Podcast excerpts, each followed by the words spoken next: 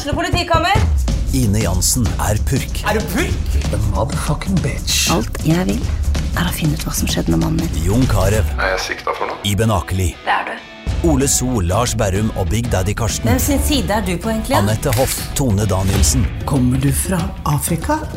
Jørnis Josef, Nesten. Kløfta. Trond Espen Seim, Det er synd å si det, men det var feil mann som døde. Purk. Premiere tirsdag på TV2 Play. Da er vi tilbake i dødballstudio en eh, tidlig mandag, litt tidligere enn vanlig, men alle er sterke og klare. Det er de samme som pleier å være. Vi kan starte med deg. Kristine, velkommen. Jo, takk. God morgen, eller er det god ettermiddag? Det er god morgen for meg. Jeg har ikke unger. Og så er det Tom Nordli. Velkommen. Samme til Fredrik Larsen. Takk. Sterk og klar på en mandag morgen. Takk. Ja, nei, Klarte å unngå fylla i går. Litt sånn uh, i hersen. hersen. Du påsto da vi kom inn her at du da jobba litt allerede, så. Ja, ja. Vært innom tre buti to butikker. I Lillestrøm, da. Ja. Så, Jeg er på jobb, jeg. Innom to butikker. Det høres ut som du har vært og handla, men nei, for lytterne sine så bare forteller hva du jobber om, da, så du skjønner hva Jeg har vært innom to butikker. Det har jeg vært òg. selger du. Selger, så jeg ordna litt retur, og så har jeg ordna litt bestillinger, så da er, nå er jeg ute. Andre, andre handler i butikken, du selger til butikka, du. Men butikker, det som er fint med butikker, det er at folk er der fra klokka seks om morgenen. Så det er bare å banke på ba- bakdøra, så står det alltid en og åpner. Selv om det er eh, i hvert fall ferskvaren, Ja. som jeg er mye. Så det er fint. Det er bra. Det var jo en kamp på Åråsen i går. Skal vi, skal vi snakke om den, Kristine? Mm. Nei, altså, det var jo en veldig god start, da. 20 minutter var vi med, og så gikk det over. Så møtte en i kiosken før matchen, han bare 'Har du trua?' Så jeg tror jeg har trua. Eller han bare 'Nei, jeg hører på poden din, jeg har skjønt at du ikke pleier å ha så mye trua'. Jeg hadde jo ikke det i går heller, og fikk jo dessverre litt sånn rett i det, da. Du treffer jo innimellom, da. Ja, ja. Det, det er jo samme hvis du har trua, så treffer den jo innimellom da òg. Ja. Jeg skulle gjerne bomma litt mer. Det hadde jo vært hyggelig hvis eh, ja, resultatet var litt annerledes i går, men det, vi fortjente ikke noe mer enn det. Nå hører du ut som meg, du. Podden min. Men det var, jeg, det var, jeg sa ikke det var min. Han sa jeg hører på poden din. Dette er definitivt ikke min podkast. Det er moro, så jeg sa du jeg får lov å være med disse podden. Jeg har etablert for noen venninner at det er faktisk Romerike Blad sin pod. Så bare vet da fader hva du driver med, jeg vel! Men, eh, ja. Åssen eh, var stemningen blant fansen? Den var sikkert litt uh, ulik, antageligvis, men Det var jo litt sånn laber stemning i går. Det var akkurat sånn som været. Litt sånn lummert. Det var ikke så fryktelig mye trøkk fra feltet. var ikke så gærent fra start der heller, følte jeg, eller? Jeg syns alt virka litt dempa i går, jeg. Ja. Det kom, det regna. Det var ikke Det var 6000, altså det er fellesferie, men eh, 6006. ja. Det, det var jo ikke hæla i taket og tenna i tapeten akkurat på Åråsen i går. Det var en periode i andre omgang hvor trøkket var ganske bra, men ellers så syns jeg det var helt ok stemning på stadionet. Jeg er enig med deg, Morten, at jeg syns supporter var bra sammen med laget. Første 20. Ja. Det henger jo gjerne litt sammen. Ja, det, var, det var kanskje ikke så lett å holde stemningen oppe etter hvert som feila begynte å komme. For det var liksom sånn der, helt sånn derre Du trodde jo nesten ikke at du så det var sant, selv om du så det. En, noen av de Nei, feila. det var akkurat som om altså, Det blir litt sånn dårlig komedie omtrent, altså. I X-Files så sa de du tror det ikke Før. Før du Selv, ser det. eller selv Men, om du har sett det. Ja, jeg Men- sier alltid men- du tror ikke selv om du ser det. Men kan det være nå at de har tre uker pause? At øh, det, men jeg tenker på spillet, pasningen, at det ikke sitter helt. At Jo, men hadde, ikke er hadde de åpna sånn, så hadde jeg kanskje tenkt det. Men altså, når de åpner såpass ålreit som de gjorde, da det var jo klart best første 15-20 minutter. Definitivt. Vi sto jo med flere som eh, mente at ja, men dette har vi stående på. 4-1 til Fugla. Jeg bare ok, jeg håper virkelig du har rett, men starten imponerte meg. Og tenkte ja, holder vi sånn helt, helt ut, så må vi jo klare å vinne. Men Nordli, Nordli er jo en sånn at han vil ha kamper hver uke. han. Ja, men jeg, har- jeg har ikke sett eh, Jeg har jo ikke sett kampen om igjen. Da. Jeg tenkte faktisk jeg skulle gjøre det for å se om det er noe som skjer. Om det er noe Det er jo av og til at det er en hendelse som gjør at det plutselig så sprer usikkerheten seg. Jeg husker da han var i Obos-ligaen, møtte Stjørdals-Blink. Da var de også ganske bra første ni-ti minuttene, og så plutselig så var det et eller annet som skjedde med noe rart med det innkast. Og etter det så var det så ut som det var Aspeløv over Når var han eh, Jostein Gundersen lå nede? Jostein Gundersen. Var ikke det Nå- Ja, det var første omgang, han med krampe, han treeren. Ja, ja, Ja. ja, men det var han Han fikk ikke krampe i første omgang. Jo, Nei, altså med, ja, gikk men- med beinet. men Han skada seg, Ja. så fortsatte Lillestrøm angrepet. Ja. Og så fikk han behandling. Du spurte meg hva som skjedde. Ja. Og da samlas, akkurat som på dommedag, da samlas begge laga seg. Altså Da hadde Lillestrøm hatt trøkket. Ja. Og da blei det et brudd i momentet, på en måte. Det bør ikke være noe mer enn det. Altså at uh, Da fikk kanskje jeg Tromsø justert Jeg litt. så jo den uh, Vålerenga-Viking på lørdag. Der var jo Vålerenga klart best i starten, og s- Viking hadde virkelig problemer, spesielt på sin høyreside. Keeperen Og så var- gikk, gikk keeperen ned, det, det, så, be, ikke- det så bevisst ut. Ja, ja, men- Han hadde fått beskjed av Men- treneren. Ja, men det- ikke var treneren av Bjarte Lunde Årsheim, så han ble Ja. intervjua, så sa han eh, Var det taktisk? Jeg husker ikke Fikk ikke med meg situasjonen. Men du, der, der har jeg en ting. Det, det er sånn Nordli sier nå. At jeg er møkk Jeg, jeg er drittlei sånne vanningspauser når det er 23 varmegrader. Så skal de ha pause etter 22 minutter i første omgang, så at vi gutta får drikke. De kommer til meg på Bruvoll nå, i femtedivisjon. Ja, skal ha vanningspause. 24 grader og blåser eh, nordavind. Uh, nei, det skal jeg ikke ha. For det det har jeg opplevd før. At det har vært vanningspause, så har, uh, så har matchen blitt helt forandra. Vi kan ikke ha tre pauser i en fotballmatch. men, men før så var også det er eh, nesten ikke effektiv spilletid fra før. Nei. Men før var det sånn at når det gjaldt vanning av banen nå, på kunstgress Husker jeg og Erlandsen krangla en gang. For da måtte begge laga godkjennere. Så nærme med vanningspause. Og når jeg var i Skeid, så sa jeg det at uh, uansett hvor varmt det var, så ville jeg ikke ha det. Nei. For at da får det, det støtteapparatet som er flinkest da, til å fordele flasker Ja. rundt og spillere til å ta seg seg når, når de må, akkurat som du langer drikker på i langrenn. Eh, så skal de drive og ha ekstra pauser òg, bare for at det er en sommerdag i Norge. Altså, vi, vi prater vi, at om to kamper i uka, tre kamper på åtte dager.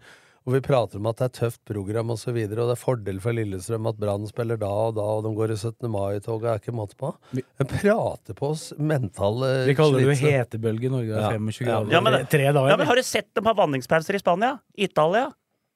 Midt på sommeren? 40 varmegrader? Har du sett det? Aldri, jeg.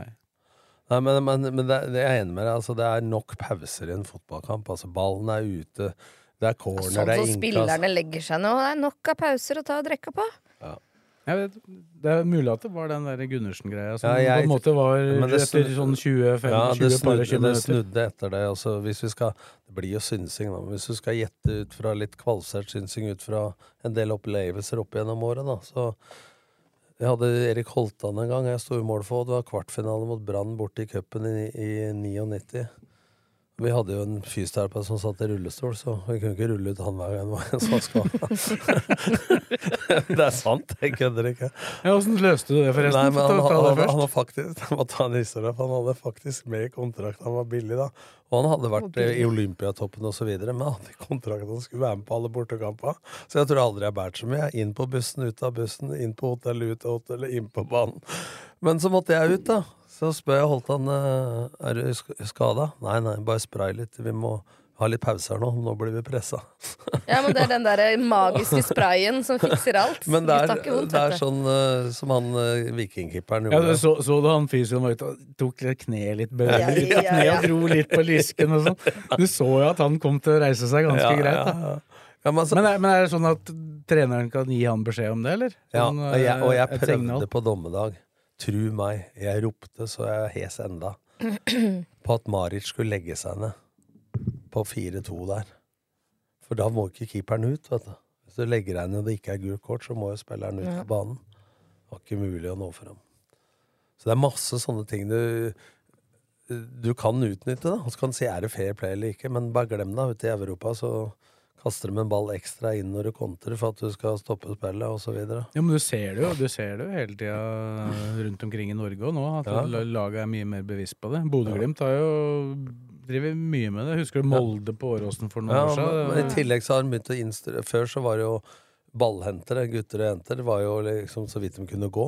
Mm. Eh, nå er de jo, får jo instrukser Ja, ja. åssen de skal gjøre det. Jeg gjorde, jeg gjorde jo det der som ballgutt sjøl en gang. Jeg var ti år gammel. Grue leda 1-0. Og så var det en sånn liten eh, lite, lite sånn helling eh, bak benka der. Sto på sida der. Ballen kom mot meg. Jeg klarte ikke å ta imot den ballen, jeg, så den gikk jo ned i lia, den selvfølgelig.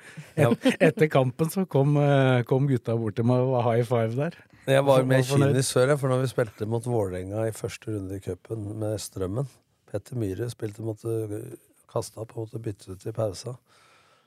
Og da hadde jo Vidar Davidsen vært i Strømmen sammen med meg eh, som trener, og så var det jo året etterpå så møtte vi dem i cupen. Kenneth Nysæter spilte jeg for Vålerenga og alt mulig. På Strømmen stadion så er det to innbytterbenker og et sånt der et tårn. Det var Obevik-tårn før. Og så er det bare et gjerde og et gult hus, og der bor en jævla svær schæfer. Og så var det skikkelig skjær- høl i gjerdet. Det er mye baller som har gått gjennom der. Tom Selmer skjøt en landa midt i lapskausen gjennom kjøkkenvinduet. Så var jeg på overtid ved leder 1-0, og så kommer ballen mot meg. Den gangen var det ikke åtte baller, ikke sant? det var én, to eller tre. Og jeg bare løfter beina, så ruller jo den ballen Der står bikkja klar. Og så løper Davidsen og trener på motstanderlaget. Skal ta opp den ballen. Og møter den kjøteren som vi, som vi før vi gjerdet der. Og tida gikk da, og så begynte de å kjefte og klage på det. Så. Nei, det, du må jo utnytte Men, eh, reglementet. Ja, selv om det blir lagt til, så får du aldri Nei. tilbake all tida. Nei, nei, nei. Skjer ikke. Men ballgutta på Kisa hadde jo en sånn liten periode hvor de, det ikke var helt fair play. Men de hadde fått beskjed av en eller annen pappa. Ja. Men de fikk fort en kontramelding der, altså. Men, Ja, på cup- på cupkampen? men Christian Johnsen, som nå trener Ålesund, vi møtte dem med Skeid. Og det var overtid og uavgjort, og vi pressa på. Der tok innbytterne der til Raufoss og kasta ballen når vi skulle ha innkast, videre opp på tribunen. Ja, ikke sant? Men sånn mental greie som jeg har slått meg nå de siste Det er vel to kampene på Åråsen og Hvilke lag er det som ikke ønsker å avslutte med sine egne supportere i ryggen, eh, eller liksom score foran sine egne? Fordi jeg regner med at det var Tromsø sitt valg i går, at eh, vi spilte den veien vi gjorde. De ville vel antageligvis ikke at LSK skulle få den effekten. Du har jo sett at det har vært noen avslutninger der hvor det har blitt eh, ganske bra trøkk, da. At det Men de de- hadde jo et OK oppmøte sjøl. Ja, men jeg skjønner spørsmålet ditt, men akkurat når på hjemmebane hadde jeg tenkt sånn, men Mm. på bortebane så ville jeg jo heller unngått at hjemmelaget spilte hemmat, som de sier på Hamar. Eh, I andre omgang. Ja, så jeg skjønner jo, jeg skjønner jo valget sånn sett. Men- Det kyniske starter allerede der. Ja, det gjør det. Før matchen er blåst i gang. Liker, liker vi dette? Er det Det er jo ofte at vi kritiserer, Ja, men jeg- jeg kritiserer syns det- ting. Ja, men jeg syns det er helt greit. Hvordan unngå dette her? Altså Ikke det med valg av side, da. Skal vi si at det er å være smart og ikke være kynisk, egentlig? Ja, det er det. Men altså det der med at du aldri får igjen den tida som du somler bort. Hvem kan gjøre noe med det? Det er dommere. Det var først nå i, i siste mesterskapet hvor de begynte å legge av til skikkelig mange minutter. Ellers har jeg aldri blitt lagt til Men- Men det, det som skjedde i VM der, det må jo, det må jo komme andre steder òg. Ja, det er det jeg mener. Det, det er første gangen man virkelig har fått tilbake den tida som har blitt sølt bort. Og da, det gagner jo de beste laga, da. De som styrer kampene. Her i Norge står de bare og peker på klokka og later som at de legger til. Ja. Ja, det er jo litt mer tillegg. Det var jo blant annet på, vi kom jo tilbake til den kvinnekampen. Der var det jo folk som lå ned der. var det 13 minutter tillegg til sammen Ja. på to omganger. Ja, men det er ikke liksom en jevn linje på det, Morten. Nei, og, er- og første omgang legger vi jo ikke til. Da er det ett minutt, da helst. Ja. Ellers må det skje noe helt spesielt. Det er jo like mye som blir søla bort i første omgang som Men i annen. går var det vel lagt til fire i første omgang på Ja, da var det Fire på grunn Men da var det jo en del skader. Men hvis vi skal ta det fotballfaglige som skjer etter den eh, Ja. Hvis vi er enige om at LSK gjorde, hadde en OK åpning og var best, eh, så er de jo definitivt ikke det fra sånn midtveis i første omgang og ut, Tom. Problemet defensivt, punkt én. Lillesund får ikke til det høye presset. Men punkt 1B, de låser av femmetera med Lene og Akor, tar ut keeper og de to stoppera. Og det holdt de jo på. Ja. Den ene store sjansen de fikk, var jo på, Ja. kom jo på det. Og, og så flytter Lillestrøm opp sine tre sentrale midtbanespillere og Bekka. Og tvinger Tromsø til å slå langt. Så langt, veldig bra. Men så rygger Bekkerekka til Lillestrøm pga. utspillet. Og så når utspillet går, så faller ikke de seks øverste i Lillestrøm ned proporsjonalt med Bekkerekka. Så vinner kanskje Lillestrøm, eh, eller blir 50-50-ball. Så plukker Tromsø opp åtte av ti baller rettvendt i mellomrommet og får angrepet Lillestrøm. Samme fikk faktisk Lillestrøm lov til. Så det var ekstremt store rom i forhold til Jeg trodde det skulle bli en veldig sånn tight eh, kamp. Så Lillestrøm sitt lag I hvert fall i første omgang var ja, det sånn. ja, Men Lillestrøm sitt lag blei langt av den grunn. Altså strekk i lengderetningen. Nummer to, det ble langt av en annen grunn. At man begynte å slurve ekstremt mye i pasningsspillet. Men de enkle pasninga Ruben spilte på omtrent på ribbeinsbrudd på Vebjørn Hoff. Altså, rette pasninger på rette løp, ingen vinkel, stor risiko. Og så får du brudd mens du er på vei fram. Det er andre grunnen til at du får strekk i eget lag. Nummer to, Men, men, men, men hvis du tar den første situasjonen der altså, Når det blir slått langt opp, og så Ja. ligger forsvarstreeren da, til. LSK så lang, langt ned, er det dem som skulle stått høyere? Eller er, for det er, det er når de presser høyt, så er det ikke så lett å falle så Det, tidlig. det må stå høyere i utgangspunktet. Ja. Sånn at når én møter, når du er tre eller fem bak, så må én tørre å bli med Vega Erlind som møter. Og så må de andre tenke ei trakt, at det er tau imellom deg, at én går fram, går de andre inn. Eh, når utspillet går langt, så må det jo falle av. Da må de seks øverste falle av proporsjonalt for å opprettholde avstand. Så én, Forsvaret må stå høyere opp. Når utspillet går og Forsvaret må falle, så må de, midtbanen falle proporsjonalt. Det er bedre å ha strekk mellom de to øverste ledda enn de to bakerste når først den lange har gått. Eh, nummer to, det møter et lag som spiller defensivt høyt press mot Lillestrøm for at de ønsker at Lillestrøm skal være lengst unna dems mål. De spiller på en måte at de nekter siderom. De ønsker at Lillestrøm skal spille smalt i banen for at de skal komme til færre innleggssituasjoner. Og de spiller i lavt press og går Vega Erlind som spiss, ned som høyre kant, og de spiller 5-4-1 veldig tight. Det fører til at når Lillestrøm da vinner ball, så har de to-tre ganger hvor de utnytter kontringen og spiller i lengderetning, som viste på Studio Åråsen i går. Men stort sett så går det så seint at Tromsø rekker enten å forstyrre høyt eller komme ned i 5-4-1. Når det har skjedd, så er det så lite bakromstrussel. I går så var det Akor og Thomas enten så møtte begge, eller så stakk begge. Det var ikke noen motsatte bevegelser. Jeg så ikke ett gjennombruddsløp fra bekk eller indreløpere, som du må ha for å hjelpe til. Og da blir Lillestrøm spillende på ei side. Vending av spill går innom hver eneste spiller istedenfor å hoppe over noen. Det er nummer én. Nummer to, de spiller på fot istedenfor medløp. Altså det blir pasning, mottak. Så det ser ut som spilleren får ballen. Når han får ballen, så begynner han å titte seg rundt. Istedenfor når du er i forkant, så har du snudd på huet som på kjøreskolen. Og så veit du hva du skal gjøre når ballen er på vei til deg. Og så får du ballen en meter foran deg, altså i medløp. I går så var det spill. Vi sto og spilte fotball. Og, dette, og, det ble, og da kan man si Ja, Mange ganger havna jo ballene bak de spillerne, Ja, ja, og men- utover sidelinja. Men det er, det er dårlig pasningsspill, men det kommer jo også at bevegelsen i laget De greier ikke å true mellomrom, siderom og bakrom samtidig. Det er noe av den svakeste prestasjonen jeg har sett av Lillestrøm på flere år. Rent sånn relasjonsmessig. Ja. Og da sier jeg det som jeg sa på Studio Åråsen i går, da har du to valg nå før Rosenborg. Det ene er å analysere alt jeg sier nå. Eller så må du finne hovedårsaken til dette skjedde. Så vil noen av symptomene eh, ryddes opp av seg sjøl. Men hva var hovedårsaken defensivt? Hva var hovedårsaken offensivt? Det vil jeg ta tak i nå for å komme fortest mulig på sporet. For det er altfor lett å skylde på dårlig innsats osv., men det er taktiske ting som gjør at det ser ut som at det er dårlig innsats. De vil jo nok. Ja, det ser ut som du mangler en plan, da, når du ikke vet hva du skal gjøre når du får ballen. Ja, men plan mangler dem ikke. Såpass kjenner jeg Petter og Geir. At plan, altså Lillestrøm har hatt Jo, nei, planen finner, men det er jo som du sier sjøl, han får ballen, og så begynner Ja. han å kikke rundt seg. Men- Han er for seint ute. Men i flere år så har Lillestrøm hatt et bevisst grunnspill. Mm. Og så begynner folk å si at det fungerer ikke det fungerer bedre i 3-4-3. Jeg skal være enig, det er offensivt at det kan fungere bedre med dobling på kant i 3-4-3. Men om det er sidestopper, som nå er høyrebeint, selv om han var LSKs beste, så skjer det noe med rytmen mellom Skjærvik, Dragsnes, Aasen. Mm. Men det er ikke noe vanskeligere enn i 3-4-3. Fordi at Aasen starter inn og løper ut, eller starter ut og løper inn. Han kan jo starte breit som indreløper og komme utenfra inn. Så det skal ikke ha så mye å si.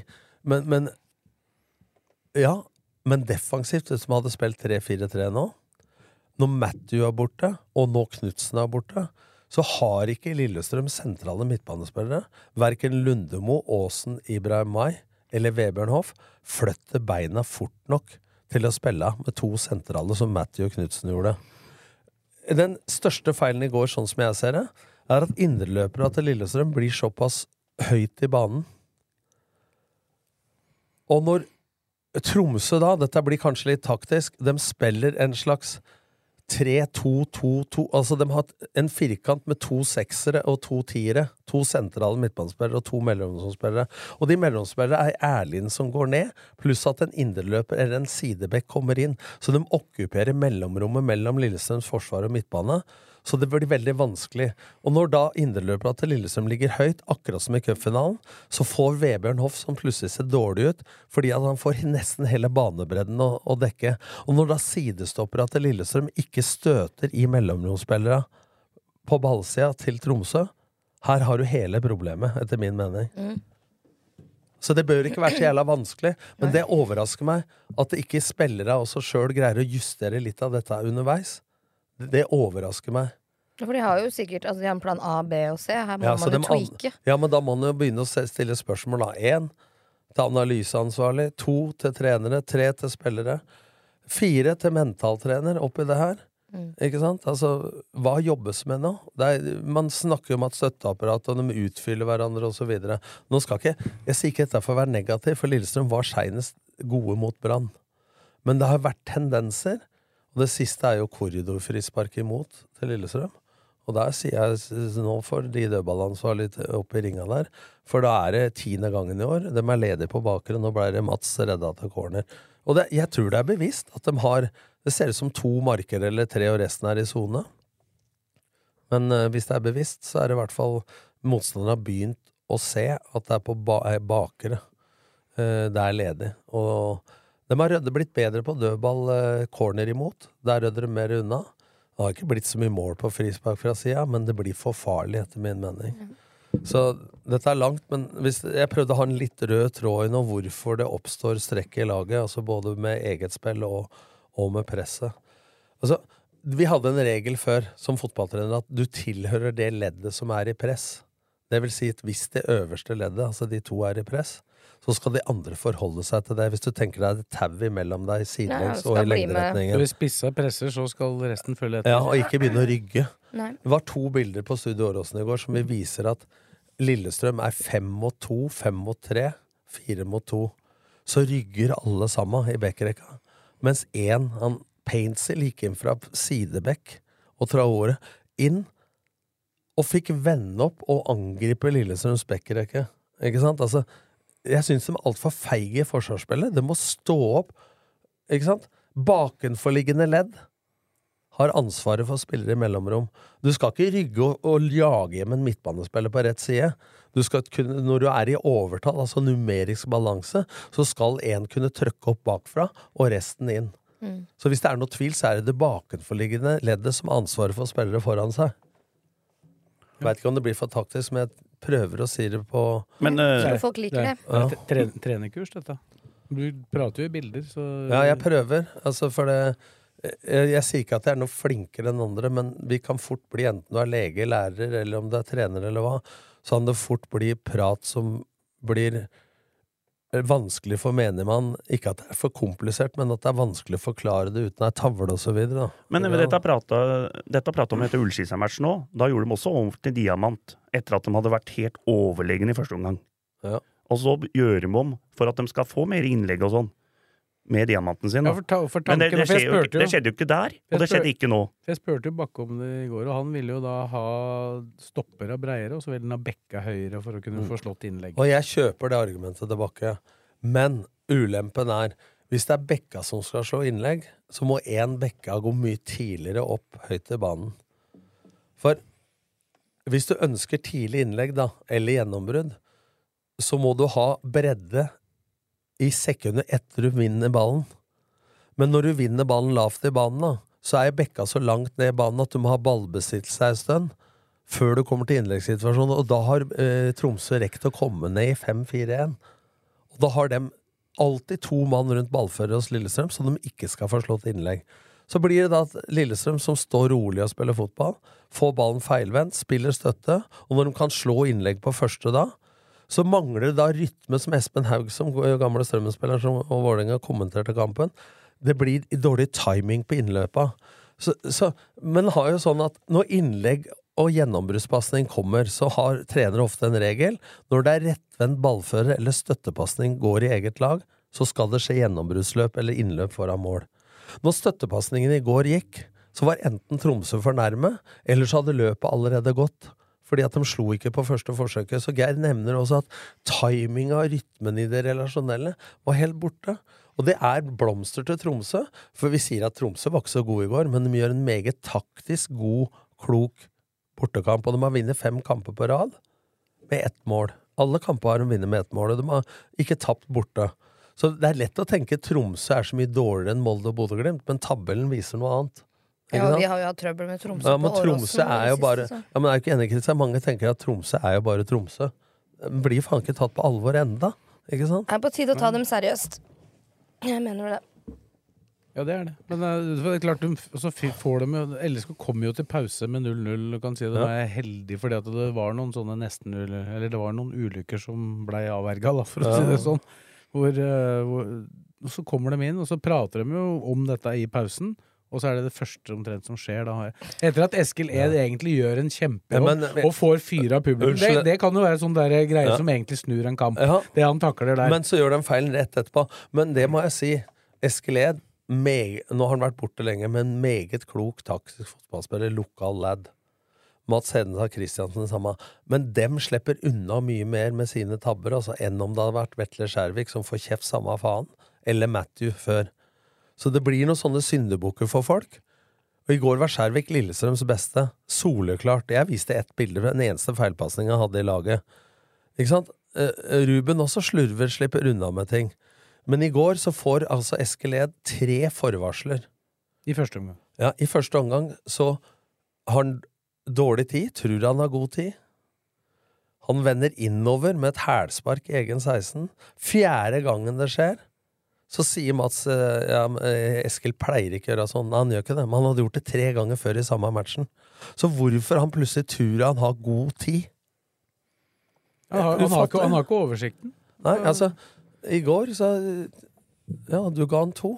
Det fortjente han. Jeg behøver ikke å skylde på noen enkeltspiller, men jeg, jeg, måtte, altså, hvis, hvis det er noen som mente han skulle hatt én, da. Ja. Det, ut fra hva han presterer akkurat rundt mål og sånn, så kan du si det. Men altså, han da Lillestrøm var bra første kvarteret, så var han også Ja, ja. kanskje en av de bedre. Jeg teller jo på børsen, ja. Ja. Men, men det jeg reagerer på i går, altså, vi hører jo det ikke, men jeg ser på kroppsspråket og på leppene osv.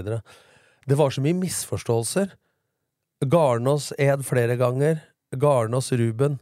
Tar du den, tar jeg den.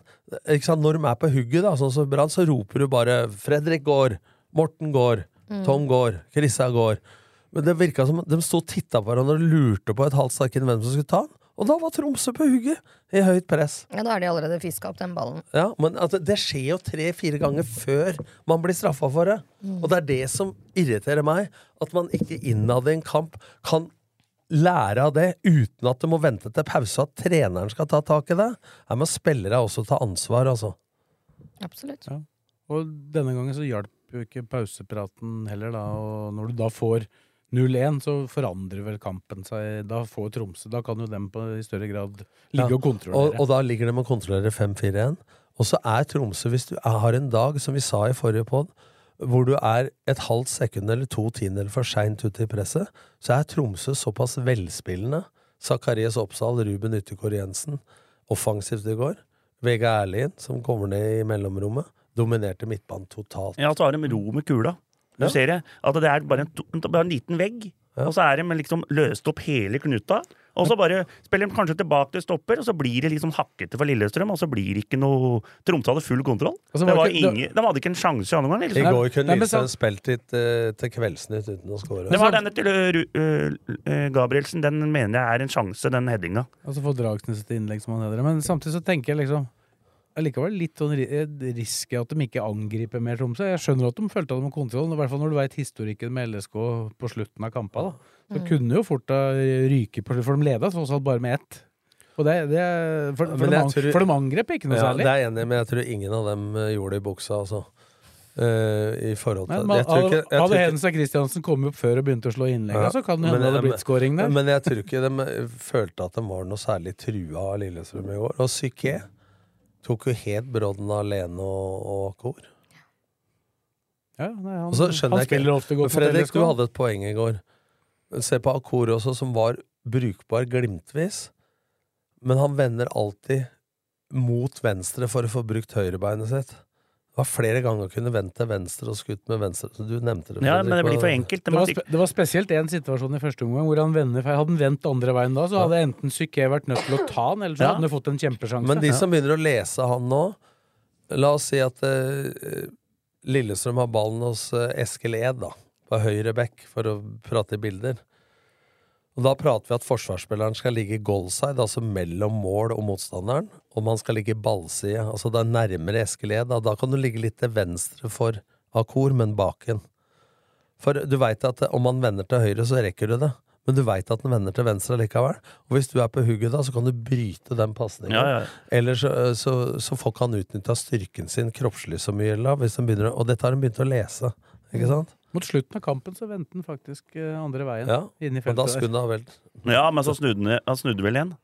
Jeg tror den prøvde å avslutte. Men dette er sånne detaljer som du sikkert jobber med, da. Men, men, men det er avgjørende ting, da. Og nå passer de på han i feltet hele tida. Ikke sant? For alle innlegg Nei, og det så er det han som blir tatt, blir tatt ut. Men det er poenget mitt, da. Som vi prata med Lene i Obos. Hvis det ikke var vinger den gangen i 4-3-3, eller indreløpet som kom på løp, så var jo Lene i undertall én mot to eller én mot tre hver gang. Sånn som det er nå, så er det konsekvent tre stoppere mot Lene og Akor. Og han eh, Men i går, I går var vel hovedproblemet at de faktisk ikke kom til noe Ja, særlig innlegg. Og de- de gangene de hadde muligheten, så slo de ikke. Ja, men hvis det, det jeg prøver å si, da Hvis det kommer løp fra indreløpere og bekker, på utsida av sidestopper og på innsida, så får du dratt ut en stopper. Og i går, hvis du så det Så når Akor gikk ut til sida, som du har sagt flere ganger, Fredrik, så fulgte sentral stopper Psyké ut. Da er venstre stopper, jeg husker ikke hva han heter eh, Gundersen. Ja, Gundersen. Og Psyké ute av leddet.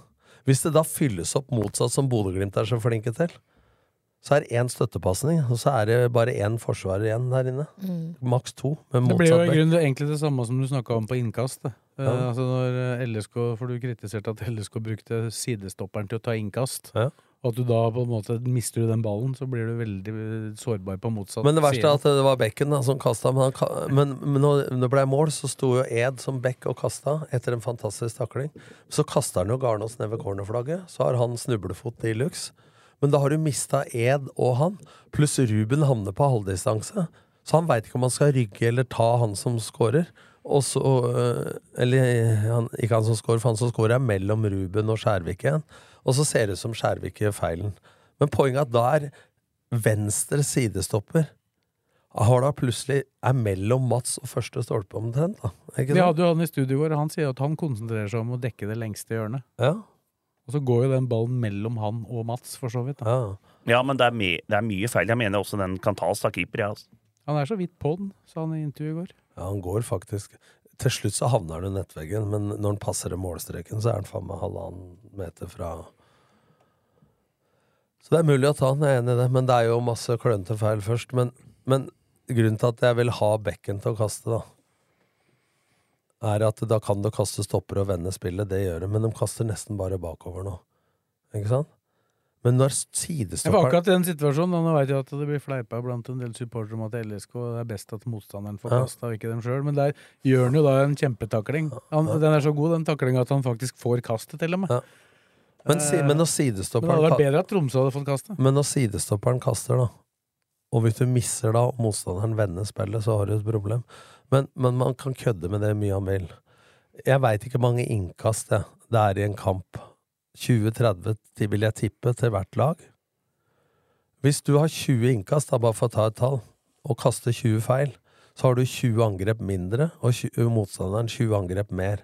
Det er 40 forskjell. Da. Så kanskje du skal begynne å tenke at det faktisk noen bevegelser og, og sikre innkast er faktisk en stor betydning. Så lever vi at Liverpool ansatte en innkasttrener.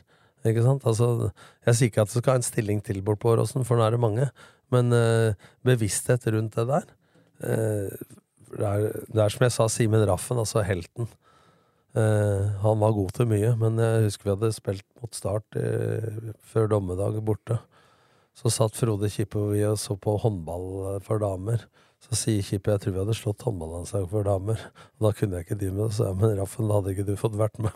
For han kasta 70 feil innkast. Så, så, skal, kamper. så skal det sies at han er veldig klar over det sjøl. Ja, ja. Da det var pandemi, og du måtte drive og vaske de ballene og sånn, så fikk de ikke lov til å ta med ballene i hendene, og ikke fikk dem hedde. Så helt perfekt for meg. Ja, ja, ja, man var jo bevisst sjøl, så derfor jeg henge den ut. Men, men, men da, da kan han ikke kaste. Han skåra i går, Raffen, da, for Fredrikstad. Fredrikstad vant plutselig 4-0. den. Nei, så, så det, det Og man skal ikke undervurdere det, eller for, for man er veldig opptatt av å dominere kamper. Og Lillestrøm har ballen mye, men det er veldig mye på egen halvdel. Og Ruben stråkker på ballen, spiller den til Skjærvik, Skjærvik tilbake til Ruben, Ruben til Garnås. Og når de endelig spiller, da, så spiller de veldig mye fra Garnås til Ed langs linja, så motstanderen kan bruke sidelinja som en medspiller. Ja. Og når man vender spillet, så går det fra A til B. Det går sjelden fra A til C eller A til D. Det er flere ganger Garnås som kunne lappa den motsatt, og noe av poenget er jo å skape overtall i Ja. sidekorridor for å komme til gjennombrudd eller innlegg. enda viktigere når motstanderen ligger så lavt som Ja. de ofte gjør på Åråsen. det er derfor ikke jeg skjønner hvorfor man skal spille av diamant, eller som Fredrik sier, da.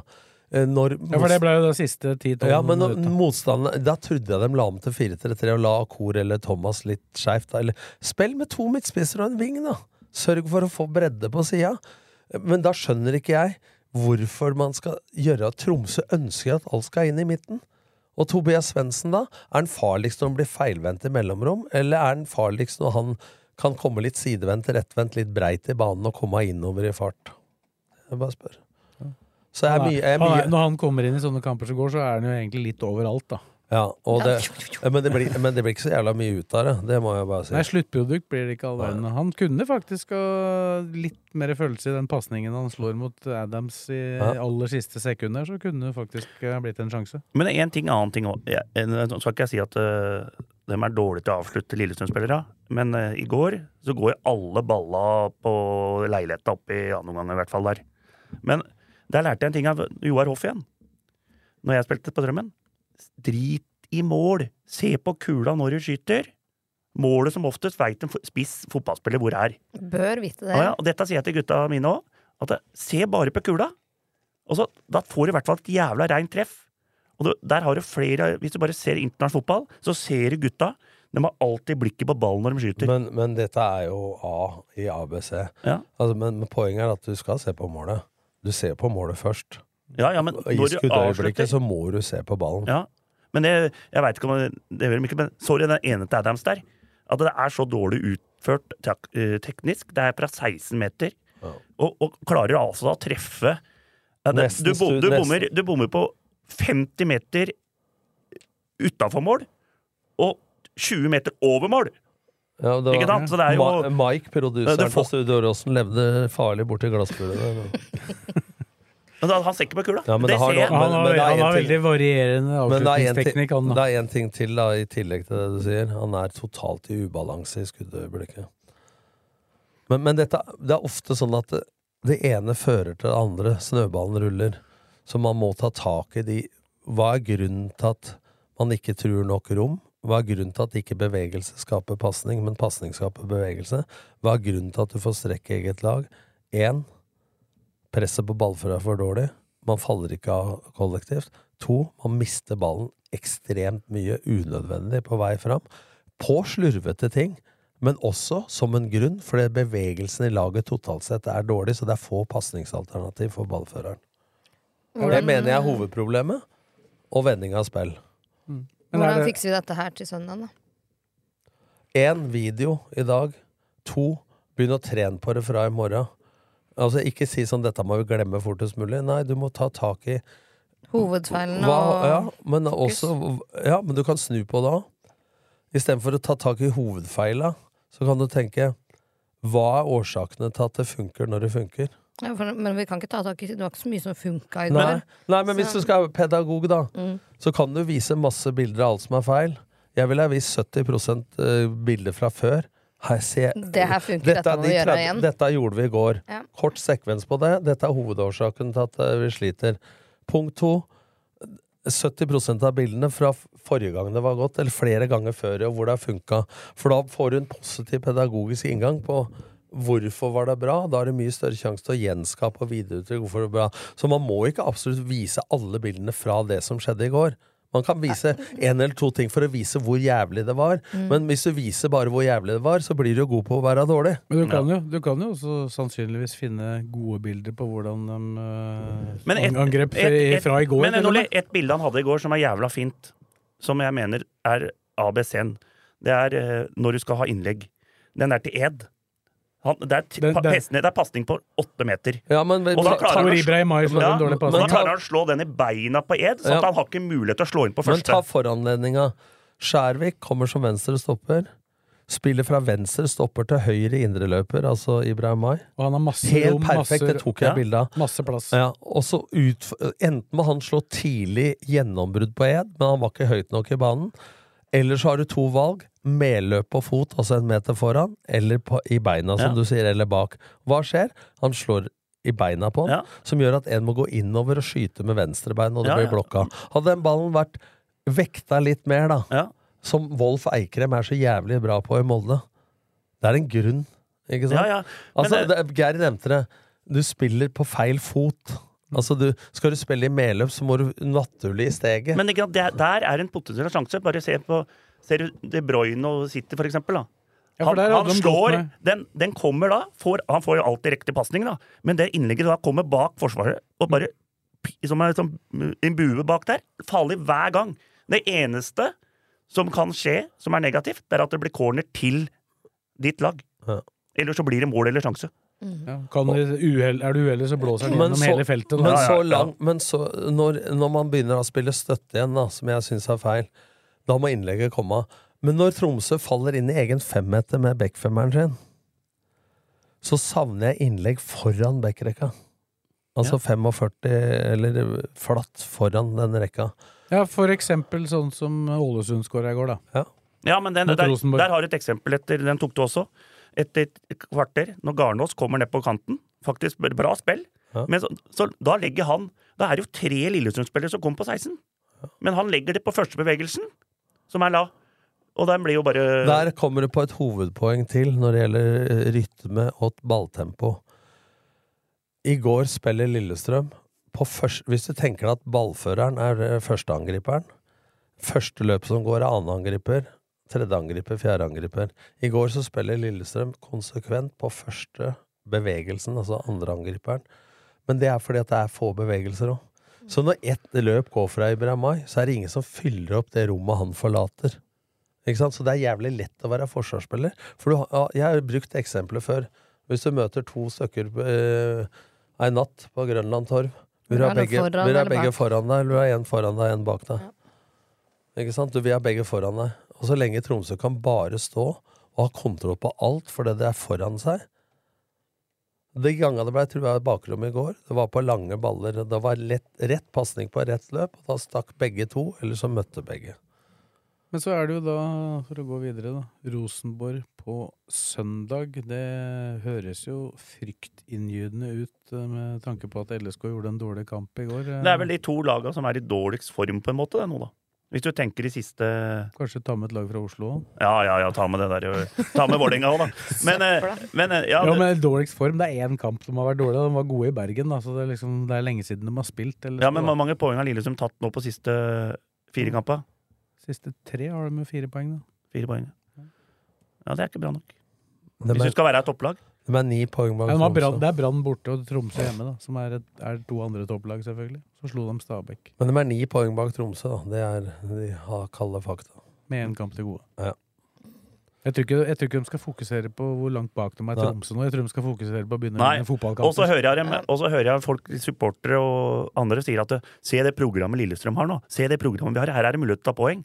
Men hvis du begynner å tenke sånn òg, at dette er lette motstandere i Eliteserien, da kan du ut Ja, og men erfaringsmessig så tar jo Lillestrøm mer poeng mot de Ja, gode. gode laga enn de Ja, dårlige. når, når jeg hører det, at for faen nå møter vi mye hard motstand, da tar de ma mye mer poeng enn det supporterne si det tror. Og, øh, ikke sant? For å si det sånn, så blir kampen på Lerkendal ganske avgjørende, sesongdefinerende, tror jeg nå, da, på høsten, for begge laga. Ja, skulle Rosenborg vinne den, så er de, selv om de har spilt to kamper mer enn LSK, da, så vil de jo være tre poeng bak, bare. Vel, nei, tre. De vil være ett poeng bak. Ja, Ett poeng bak. Men du så, jeg så, en- jeg så en del eh, høydepunkt fra den Rosenborg-matchen. De var jo hadde jo fortjent å skåre mål i den matchen der. Fy faen, for noen sjanser de hadde der. Jeg så expected goals var 1,60, men Ja, eh, men da skal du da, Vanligvis da så skårer du to mål. Nei. Expected goals på Hvem var det i går? På, som Men- hadde fire. men Det var Sarpsborg. De skåra seks. Men jeg så, jeg, så, jeg så Ålesund eh, hadde to i stanga i første omgang òg, da. Ja, ja, men hvis du så han Pereira der, den sjansen der Jeg skjønner ikke at det går an å bare ikke skyte den i mål. jeg. Det var demping, var det ikke? Ja, men eh, hvorfor skulle den dempe? Sarpsborg hadde 3,8 i expected goals. Jeg skåra seks. Ja, men du overskårer jo som regel det, da. Men eh, jeg, syns ikke de Rosenborg-sjansene Jeg syns de ble heisa litt, de Rosenborg-sjansene, ja, da, men, uh, Men, men se, ja. Det er trøst, altså. For, Tromsø hadde forresten 0-17, og Lillestrøm 0-6. Men, eh, i nå, går. men nå sier de faktisk, altså, de mest optimistiske, at det er framgang mot Ålesund. Altså, det er, vi snakker at det er Rosenborg som møter Ålesund, Ja, ja, men, og taper 1-0. ja, men Ålesund slo Molde med tre Ja, nå. ja, men så driver de og snakker snakke om at, trener, dem så driver de og snakker om at det er framgang. Er det der lista ligger for Rosenborg? Nei, nei, nei. Ja, men det er, jo kanskje, Altså- det er jo kanskje på tide at den lista til Rosenborg justeres, da. Ja, men det ligger ikke på båndlag i divisjon. Nei, men altså, Jeg snakka med gudmora mi i går, og hun er jo vaskeekte trønder. Og hun sa at tror Rosenborg har godt av å ned nå, hun. De er så drittlei der oppe at eh, Ja. Hvilket trenerkurs har gudmora di? eh, Heldigvis ikke noe trenerkurs. Men vet du hva det er som er så fint, Tom? Vi kan uttale oss, vi oss som ikke har Ja, men, men, men, du, du- ja, men du begynte, du begynte sånn at eh, Men kan- gudmora mi er Men, eh, trønder. hvis- hvis- Nei, nei, men det handler om- Trønderne som alltid backer, da. Ja. Hvis trenden fortsetter, kan fort Vålerenga og Rosenborg rykke ned. Det hadde vært deilig, det. Det. Men de, gjør ikke det, det. de gjør ikke det, men det sa de om Lillestrøm her òg. Altså, De det, det. det det. Det skal bli spennende å se om Ålesund på en måte er i framgang. Jeg har, jeg har jo litt trua på han Christian Ja, jeg har jo fryktelig trua på han, jeg. Og da, det er klart, da kan jo dem komme opp der. Så, så ser du liksom sånn som Men det er jo et lag som er helt umulig å spå, da. Men uh, Sandefjord i går ble det Så du de måla dem slapp inn, eller? Det er ikke rart ikke dem hadde høyere expected Men, men, goals. men uh, uh, unnskyld, at, unnskyld at jeg sier det. Hvis, det mentale, da. Hvis Rosenborg og Vålerenga havner i nedrykksstriden Eneste de kan havne der og rykke ned, er at de, akkurat som Lillestrøm ikke innser tidlig nok at de faktisk kan rykke ned, og at det er så overraskende. Og så er det jo et, et vesentlig større press hvis de Ja, først havner nede det, det, enn er, hos de andre lagene. det er akkurat det jeg mener. Men hvis de greier å kåle seg bak HamKam og Sandefjord, Ålesund, Skal godt gjøres. da får det bare gå ned. Men Ros Rosenborg ligger på par til å kunne havne i en kvalik, i hvert fall, med 13 på 13. Så det skal snus. Ja, 13, hvis du har 13 på 13 LSK skulle du hadde 30 på 30. men de, de sier jo det. Spiller du uavgjort til alle matcha, da får du 30 poeng. Da havner du i nær. I nærheten av kvalik. Ja, du er nede i kvalik. Nei, du klarer deg en del år. Men unnskyld at jeg sier det, det skal mye til at Ja, jeg tror det. Men det er på, men det er på grunn Det er ikke fordi at de laga er gode, det er mer på grunn av de laga under. andre som jeg, er ikke- jeg tror ikke dem klarer å ta dem, men, da. men du skal gjøre en jævlig slett jobb altså, i Vålerenga og i Rosenborg. Hvis du, hvis du skal fortsette de dårlige Jeg må jo si det at uh, Vålerenga nå, mot Viking, syns jeg var bra fram til de lå under. Ja, men det, det er jo også en farlig trend. Husker du Brann, da? Det året Ja, de rykka ned. Altså, Brann Brann var best i de aller fleste kampene før det begynte å Altså, Hvis det skjer mange nok ganger, det er jo da det blir et problem, ikke sant? for til slutt så blir du faktisk dårlig. Altså, Brann var jo klart best i den kvalikkampen mot uh, Jerv og dem, men de rykka ned likevel. Jeg tør påstå at Lillestrøm var best mot start nå. Var nok det. Du vant, vant du 4-3, da. Ja.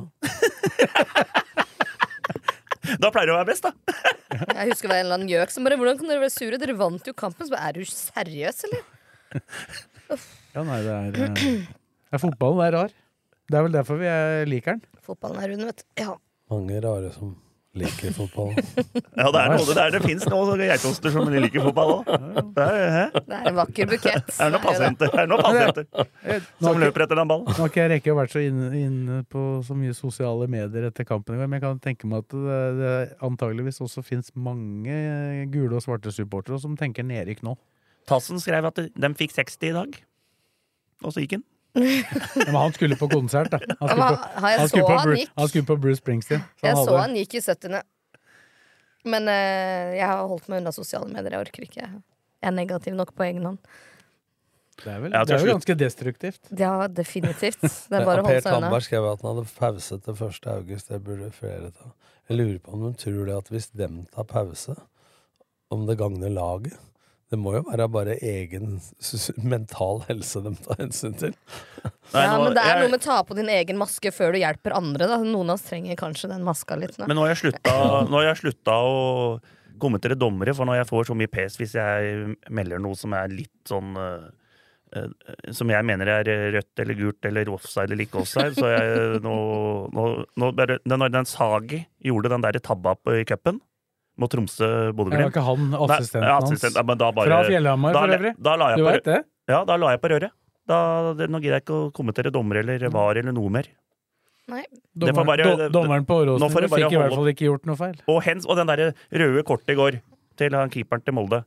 At det, det, er for, det er liksom forskjellige regler og hva som det er. Men det, det er jo riktig at han har Erling Mo, Erling Mo armen er ut. Det er rødt kort, Ja, mener men, jeg, da. Ja, men det er ikke, poenget var at det før så hadde det en betydning at hvis den varna en annen Ja, ja, kroppsdel først opp, så skulle det ikke blåses. Nei. Og det er blitt gjort om Ja. i sesongen, sier Ja. Erling Moe. Ja. Og uten at de har fått noe beskjed om det. Men det der er jo det eneste jeg mener faktisk er hens, Også, også ville vært hens i gamle dager, når hens-regelen var til å forstå. Ja. Men nå er jeg ferdig med det. Jeg La oss ikke begynne med den igjen. Når keeperen er ute med arma på 30 meter Nå var, nå var Da må du regne. nå var god, skulle ikke prate om dommere og sånn. Bare bang rett inn i diskusjon. Ja. Ja. Du hadde jo en ny, du hadde jo en ny situasjon å trekke fram med det, en gang. det, Da. er, det er bra du sier det sjøl, da. Ja, fy faen, snakk om geitost. Du hadde brydd deg litt om en situasjon i går allikevel. Da. Er bare ta seg en tur opp Men jeg blir, jeg blir sånn at jeg blir så Huet mitt bare blir sånn derre uff, uff, Ja. Bare ta seg en tur opp på Bruvollen og se om han ikke bryr seg om dommerne mer. Gjør vel det. Nå skal vi over på noe hyggelig, da. Han veit ikke hva han gjør der. Men eh, laget mot Rosenborg, skal vi Er det Ja, noe? men altså, hva er alternativet? På benken, Nei, det- Lundemo tåler ikke 90. Det går treigt. Eh, Svendsen eventuelt. Eh, når han presterte noen vi, har, vi har jo prata om det før. Gjermund Aasen, Yldren Ibrahim Mai. Det blir jo på en måte Det blir ikke, er ikke Nei, optimal men hva er det miks, da. de- hva er det de har for noe der nå? Nei, det er jo Svendsen, da. Ja. Eventuelt. Kan spille indreløper der. Ja, Dere vet at jeg ikke er imot det. Så. Og så er det jo hvis, Tønnesen hvis blir klar. Tønnesen eh, er i gang. Men eh, apropos, bare en oppdatering. La, Lars Ranger, han er snart klar, altså. Ja. Det er, han har vært med og spilt med laget denne uka. Men hvis, Yes. Eller Tønnesen, uke. hvis Tønnesen blir klar, så spiller han venstrestopper, og så tror jeg Skjærvik spiller høyre, at Garnås får hvile. Ja. Men eh, sånn som vi var jo litt negativt, i hvert fall Tom Nordli, mot Ranger i fjor. Fått etternavn nå. Ja. Ja, men, eh, men, men nå er det jo nå er det sånn at du, du savner Ranger på en måte. Hæ?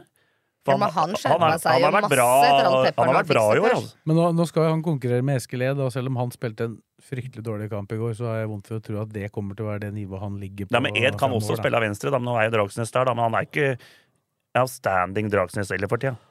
Dragsnes, det blir lite ut av det. Jeg syns han hadde en uh, positiv ikke- trend, uh, Stabæk-Brannkampen. Men jeg tror ikke den kommer til å havne med to av tre på venstresida som høyrebeinte. Nei, det gjør vi ikke hvis ikke han Skjærvik skal spille.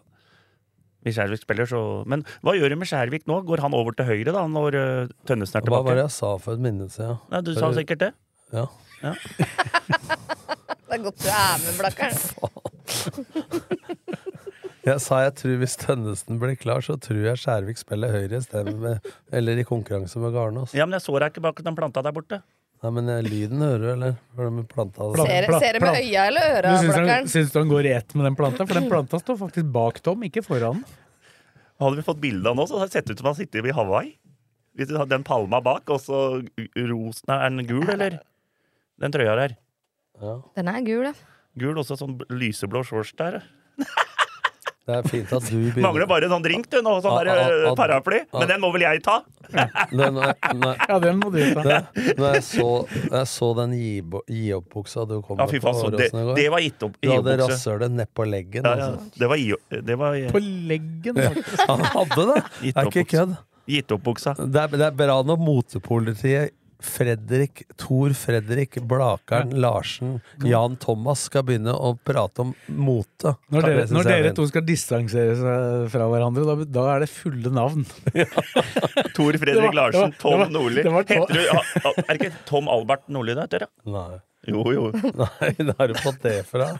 Tom Albert. Det sto på en sånn epikrise på sjukehuset en gang da jeg lå der da jeg var liten, så sto det Tom Adrian, så sa fatter'n han heter ikke det, men jeg syns det var fint, jeg, sa sjukehusets. Ja, ja. Nei, jeg heter bare Tom. Vi har pratet om det hyggelig. Skal vi begynne å prate om damene, etter, da? Ja, det jeg er oppkalt tenkte. etter lommeboka til faren min. Kristine vil prate om damene. Ja, de har jo faktisk har gjort en veldig god kamp. Jeg var jo i LSK Hallen. Og jeg. så den på TV. Jeg hadde Fredrik, billett, men jeg fikk ikke. Fredrik var i Jeg var i Göteborg, men jeg fikk med meg måla og sånn. Nei, dem Ja, er det var, det var eh, Kan du ta litt om matchen? Ja, eller du kan jo ta det ut om. Du så jo sikkert like godt på TV. Det var jo en ganske jevn kamp i første omgang, men jeg var overraska over hvor bra LSK var Det som, versus over, Vålerenga. det som overrasker meg mest, er hvor lite Elise Thorsnes og Karina Sævik får til på topp, og hvor bra Nå så jeg det var tidenes høyeste, ifølge Arnfinn Fagerli, 77 poeng på børsen til Karina. Og jeg, jeg kritiserte Karina i går for at jeg syns venstrebekken, Oda Johansen, er det det heter? Eh, Venstrefoten hennes og måten hun tredde opp folk på i mellomrom og modig, syns jeg var veldig bra. Du vil ha du høyere? Ja. Uh, Jeg skal, jeg skal innrømme at jeg var med å bidra til de to høyeste karakterene. Ja, men, rest, men resten av karakterene satte jeg ikke. Det, det hørte jeg, for jeg syns det, Når en Sves drar opp nieren på Løvenius, så tenker jeg sånn Ni. For den ene avslutninga hun har når hun kommer aleine der, det er et dårlig valg. Men hun er en signalspiller. Men jeg syns de stopper av. Altså Vollvik høyre, helt grei. Uh, Oda venstre. Uh, her heter hun eh, på midten. gode. Winnem Jørgensen, eller? Ja, Gode. ja. Ja, gode. Winnem Jørgensen. Ja, og de tre på topp der, da. Garsi. Eh, Du har eh, Ja, Gashin der Du har jo Holt Andersen høyre.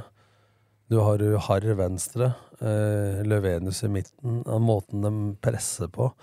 Og så har jeg syns Det er et angrep aleine. Ja, det er enig men, men jeg, men jeg syns det som imponerer meg litt, er mye i kvinnefotballen så har det vært sånn klarering og panikk og sånn. Altså, de er jævla rolige med ballen. Så flinke til å spille gjennom ledd. Og jeg var ganske imponert, jeg, faktisk, i den kampen Jeg eh, mot, eh, mot Jeg, snak, jeg snakka med Tobias Svendsen og Kristoffer Tønnesen, som var på kampen eh, etterpå. Dem, uh, Tønnesen sa at det- å se hun Mimmi Levenius spille der, det var akkurat som å se Veton Berisha på Viking da Viking var på altså, Ja. Hun er et presseledd aleine, da. Ja, Og det er helt enormt som han løper. Men jeg syns jo den def, altså defensivt, sett med LSK og kvinners øyne der, må ha vært en prikkfri Ja. kamp defensivt. Ja, men keeperen hadde, fikk jo fem poeng. Kan ikke få mer, for hadde ikke en dritt å gjøre. Ja, det, var, jo- det var et par sånne sprettballer. Så det, var, altså, det var baller som skudd som spratt tre-fire ganger. Men det apropos, apropos sånn. å se på ballen, da. Jeg mener at man skal se på målet først og ballen. Hun har det som klinten i krysset. Hun så ikke på målet i hele tatt. Altså, for hun løp 90 Nei, hun så på Hun løp på tvers og skøyt 90 grader på løpsretning, og det er vanskelig. For en altså. scoring! Ja, ja. Kjempeskåring. Men hun, det er, det er som, når vi skryter jævla av hun VM, da. Men hun, jeg, faen, hun imponerte meg en gang til òg. Hun er jo faen meg rask også. Kanonrask! Hun bare løper fra det forsvaret Har du oppdaga det nå? Ja. Det er rart at ikke hun er tatt ut på det svenske landslaget. Syns jeg. Ja, det, er- ja, det der har jeg ikke oversikt, oversikt, nok til å kunne hele allsvenskan og Blakkaren? Nei, men Du har vært en del i da, Göteborg, da, har det- da er det jævla mange gode spisser på det der eh, svenske landslaget. Men altså, eh, skal jeg kritisere deg for noe, så har jeg ikke perfekt avslutningsteknikk. Hun er litt uh, som, den som også skulle ha vært aleine med keeper to ganger til, men da bommer hun vel litt med første touchen. For to, to ganger i første omgang så kommer hun ned langs høyresida. Hvis, først- hvis hun tar touchen innover da, så kommer hun i veldig god Men faktisk, hun fikk kritikk på TV av Solveig Gulbrandsen. Den der hun kommer aleine hvor hun krasjer med keeperen. Men Der prøver jeg å Ja, men, den men, over. men, da, men da prata de om at første touchen var for dårlig. Første touchen var helt perfekt. Ballen kommer i buet, og så bare legger jeg Ja, ja, ja. eh, død ned i medløp. Det er jo andre touchen og tredje touchen. Hun tar en touch for mye, det er poenget. Ikke at touchen er dårlig. Sånn at eh, hun, hun skulle kippa den eh, på touchen før. Og så så, så jeg jo at hun var fem centimeter unna å få den ballen over keeperen. Da. Men hun, hun keeperen som kom inn for Vålerenga, var tredjekeeperen der. Hun var jo mye bedre hun enn andrekeeperen. Er du gæren? Du kan jo spørre Vegard Bakkhaug om Men Tatt den, det du ser hun 370 VM lærer av den første, da. For hun setter den andre bare ned, rolig ned i hjørnet. Og da leda hun med 0 òg. Ja. Men det, det, var- det veit ikke om jeg var så sliten at jeg, fikk, at jeg hadde tid til å puste, sa, puste med magen. det sa Bergdølm på intervju. Akkurat det du sier nå. Ja. Ja, Men andre gangen så sa han rolig. Jeg var for sliten til å ha dårlig touch. Men, hun, men uh, hun, hun jubler i hvert fall. Ja, det har jeg lært. Det har jeg lært av oss. Nå, skal, nå søker du kred, Blakkaren. Ja, Du må er- få litt kred. Ja, du, du er så jævlig Du er så lett å gjennomskue. Fordi du har sagt i poden at du ikke jubla, så mener du at vi har begynt for det du sa det. Nei, nei, det sier jeg ikke. Men Blakkaren. hun, hun, hun har jo sagt det i intervjuet. Gratulerer. Hun har jo sagt det i intervjuet. Nei, det har, men det, den skal ikke jeg ha. Den skal vi alle ha. Nei, det er- Vi har, nei, den skal du nei, vi ha. har sagt det. Der var vi Du enige. har Ja. sagt det. Du skal få den aleine. Nei, Karina satt jo her jo også. At det, Jeg kommenterte jo at du var så sint når jeg scora. ja, bare sånn sto så helt helt stille, og så akkurat sånn at de- hallen hadde dette inn i huet på henne, ikke sant? Men nå jubler hun jo nesten så mye at hun, hun er nesten så besvimer på slutten av kampen. Skal få kjeft for det. Hun, bruk, hun, hun bruker mye energi i de Men, kampene. men altså. som jeg sier, at hun, hun tar noen unødvendige løp. Og hun får et gult kort, men, men den signaleffekten hun har på, med innsatsen sin, det kaller jeg atferdskommunikasjon. Noen prater og dirigerer, og så er det noen som går foran Bård Bjerkland, Mimmi Mm. Ja, det var akkurat der Tønnesen hadde den med Berisha. Da, Ja. altså, det, det Rein sammenligning på inn, innvirkning på laget. Men så er det en ting til også, og det er ikke for å rakke ned på, på damefotballen, men jeg påstår at noen av de løpa som hun vinner ballen, da, eh, hadde ikke skjedd det med keepere som er enda bedre med beina. Dem er flere av på herrefotballen, så da ville hun bare spilt ut en sidestopper. Men så lenge du får spillet på det nivået du gjør, da, og du, hun presser sånn, så har hun jo fått igjen for en del løp som ikke andre hadde giddet å ta. Da. Ikke sant? Og så gir det Det beste effekten er hva det gir av smitteeffekt til andre, altså som Tønnesen sier der. Ja, så, så, de var jo så utrolig konsentrert. Jeg, altså, jeg har ikke sett så mange av Vålerengas kamper, men jeg har jo forstått at de har sett ganske bra ut og kjørt over motstandere til tiden. Men de klarte ikke å skape noen ting. Og nå er jo, Vi kan bare ta den tabellen, da. Den er jo helt sjuk. da, at, Hvis Lillestrøm ikke hadde ryket den dumme matchen borte mot uh, Avaldsnes, så hadde de vært ett eh, poeng bak. Nei, to poeng bak med seier i hengekampen. Bak Rosenborg, ja. Nei, men bak uh, Vålerenga. Med den hengekampen. Oh, ja. Slått Avdalsnes og vinner hengekampen, så er de uh, ett poeng bak. De har Nei, to poeng bak. Ja, hengekamp òg. De har spilt 17. Det er jo at Vålerenga har spilt en ekstra, vel, Ja, ja. en E-cup. Men nå begynner Vålerenga å spille uavgjort. Nå, første tapet de har, hva er mot Lillestrøm nå? Ja, de har to uavgjort mot Røa, da. Ja, ikke sant? Altså Hvis de begynner å surre til Nå Rosenborg nå er ett poeng bak med hengekampen. Jeg, mente jo, jeg meldte jo dette her i Hvem er har hengekamp med? At Nei, det, er, det er bare at Vålerenga har spilt en kamp for de skal ut i Europa, tror jeg. jeg meldte vel at Rosenborg tar denne her serien. Meldte vel det her. Ja, vi har meldt Vålerenga. Ja. så vi får Da se. de er ett poeng Jeg bak med ser litt sånn Fagermo-glis i munnvika her nå. Men, br- nå, Ligger fortsatt bak. men nå er liksom Lillestrøm er åtte poeng foran Brann. Blakkaren, nå har du sånn dratetryne når du er fornøyd med deg sjøl. Så her er vi rute. Nevemagnet. Ja, men Brann ser jo ikke, ser jo ikke ut til å ha, det nivået inne per i dag, da. Nei, nå, men nå har LSK nå Arne Bjørnar borte. Etter ferien, da. Det er jo seks år siden August starter disse opp igjen. De har jo lengre ferie enn Blakker, disse. Ja, Jeg hørte nå de skal ha nå skal de Det er av VM i fotball, da. ja, men De skal ha de som er hjemme, da. De som ikke er med Ja. dit ned. De skal jo ha én måned nå. Altså hele juli skal de ha fri fra fellestrening. Selvfølgelig med, med så videre, da. Men uh, Men er det noe begynner, de, begynner de å kjøre opp da fra 1. august. Er det noe jentene er flinke til, og vesentlig flinkere enn gutta, i hvert fall de gamle der, så er det å følge egentreningsprogrammet. Men, tenk deg, men tenk deg den. Å få ta Vålerenga før denne ferien. Det er liksom sånn Nå, nå går alt Denne ferien går jævla fint nå, for å si det sånn. Det er ikke noen negative tanker der. Det er noe godt å gå inn i ferie med denne. Det var mye folk der òg. 800-900. Nei, 600 og noe. Det ble Det forsøkt Fin- fin. mobilisert litt før den matchen. Da. Fin, fin stemning. Det var, selv om det ikke var noe organisert eh, noe voldsomt på synging og sånn. Så, for det hadde jo Vålerenga. Men det var kult at LSK og A-laget var der òg, da. Mange, noen av spillerne, i hvert fall. Ja, må jo så på. Jeg vet ikke om det var flere enn dem, da, men jeg regner med de to var der. Men det må jeg si, altså vi Ja, det var, når du møtte dem, så var jeg regner med at hun var der, ja. Vi satt der og diskuterte sammenslåing, sammenslåing og så videre. Og det du skrev Sves, i kommentaren din om å satse på flere lokale og så. Og jeg må jo si at det er mange spillere som har blomstra i løpet av en sesong der. Og de har gjort eh, forandringer i trenerapparatet og støtteapparatet. Og den atmosfæren som er rundt LSK kvinner nå, kontra i fjor, det er radikal forskjell. Altså. Litt tabloid sagt, da, men der de gjorde veldig mye feil i fjor, så har de jo nesten gjort alt riktig i år, da. Ja, Altså- også, men de er litt, kommuniserer på en litt annen måte òg. Og så er jo Den ansettelsen av Bergdølmo har jo også vært eh, Det sa vi jo med en gang, da. At vi de hadde trua på. Og det har jo sett ut som at det har funka veldig bra, syns jeg. Mm. Det blir jo litt sånn, føler jeg, da, at når du liksom har en trener som er sammen med hun ene stopperen, så føler jeg at det er litt sånn eh, Ja, selv om alle visste det. Ja, det var liksom ja, ja, men så, det, er, det blir noe annerledes allikevel, ikke sant? At det er ikke bra, føler jeg. Så har du interne konflikter ellers òg. Ja.